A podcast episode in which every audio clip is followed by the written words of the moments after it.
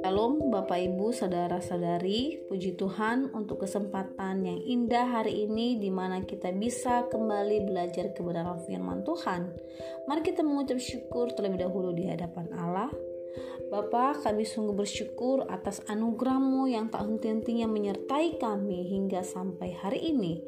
Kami dapat menikmati hari yang baru semua karena kasih karuniamu Tuhan. Sebentar kami akan belajar kebenaran firman Tuhan. Biarlah kiranya rohmu yang menolong kami agar kami mampu hidup sesuai dengan kehendak Tuhan. Di dalam nama Tuhan Yesus kami berdoa. Haleluya. Amin. Nah, Bapak Ibu, saudara-saudari yang terkasih, pada hari ini kita akan belajar dalam Mazmur pasal yang ke-45.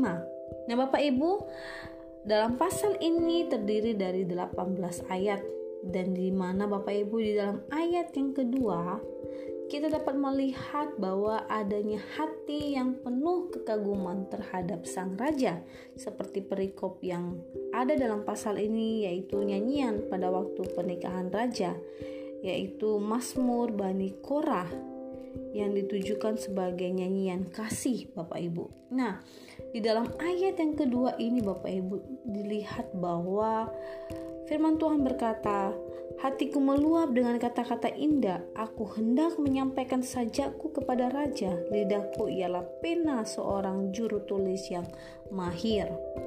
Dalam ayat ini Bapak Ibu kita melihat bahwa ada hati yang penuh kekaguman terhadap raja. Nah Bapak Ibu Mazmur ini ditujukan kepada sang raja tentunya Bapak Ibu dan raja digambarkan keagungan yang tiada taranya kemegahan serta kemuliaan, kebenaran dan keadilannya, dan tahtanya untuk selama-lamanya. Bahkan dikatakan tongkat kerajaannya adalah tongkat kebenaran. Firman Tuhan di dalam ayat yang ketiga, Engkau yang terelok di antara anak-anak manusia, kemurahan tercurah pada bibirmu, sebab itu Allah telah memberkati engkau untuk selama-lamanya. Ayat yang keempat, ikatlah pedangmu pada pinggang, hai pahlawan dalam keagunganmu dan semarakmu. Ayat yang ketujuh Bapak Ibu, dikatakan bahwa tahtamu kepunyaan Allah tetap untuk seterusnya dan selamanya dan tongkat kerajaanmu adalah tongkat kebenaran.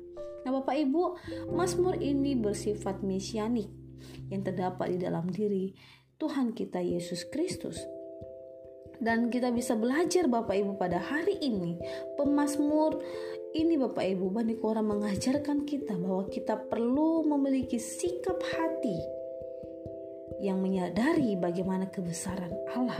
Amin. Yang menciptakan yang tidak ada menjadi ada. Kedaulatannya yang perkasa. Bahkan kasihnya yang begitu besar yang tak terhingga yang mati di kayu salib agar saya dan Bapak Ibu diselamatkan dan kita memperoleh kehidupan yang kekal. Nah Bapak Ibu saudara-saudari yang terkasih di mana pun Bapak Ibu saat ini berada Mari memiliki hati yang penuh pengaguman kepada Allah. Amin.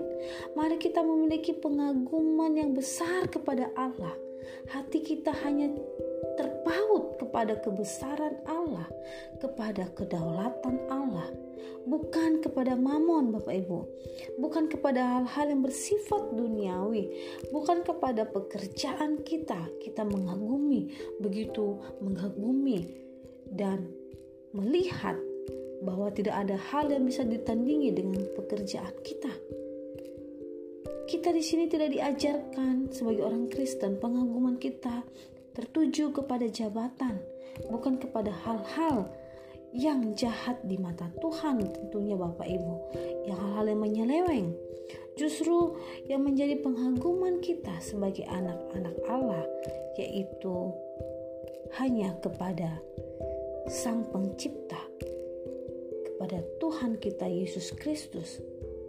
Di dalam detik ini Bapak Ibu saat ini juga Mari kita minta Roh Kudus menerangi hati dan pikiran kita, melihat Allah dengan cara pandang yang benar melalui kebenaran firman Tuhan, agar kita tidak menjadi terkecoh, agar kita tidak menjadi salah.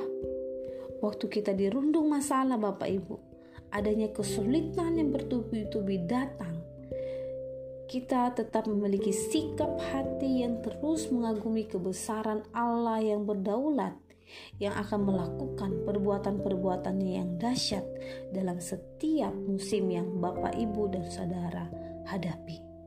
Nah Bapak Ibu, hal yang kedua kita bisa melihat di dalam Mazmur pasal yang ke-45 ini Bapak Ibu, bagaimana pernyataan dari Bani Korah bahwa raja bergairah karena keelokan bangsanya dan sikap yang mau sujud kepadanya. Di dalam ayat yang ke-12 firman Tuhan berkata, "Biarlah raja menjadi gairah karena keelokanmu, sebab dialah Tuhanmu, sujudlah kepadanya." Sikap yang elok bagi orang percaya yakni hidup yang takut akan Tuhan. Amin.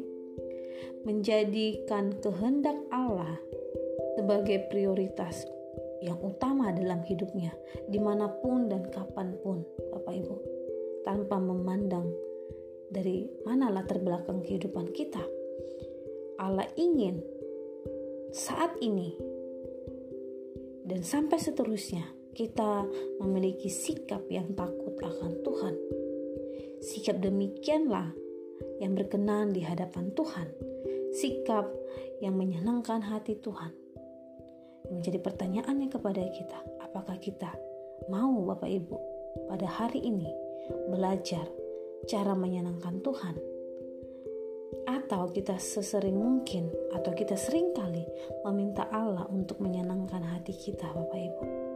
Bapak Ibu saudara-saudari yang terkasih di dalam Tuhan Yesus Kristus, mari pada hari ini kita memiliki sikap hati yang sungguh-sungguh menyadari bahwa kita perlu memiliki hati yang benar mengagumi Allah dengan cara pandang Allah bahwa Allah yang berdaulat.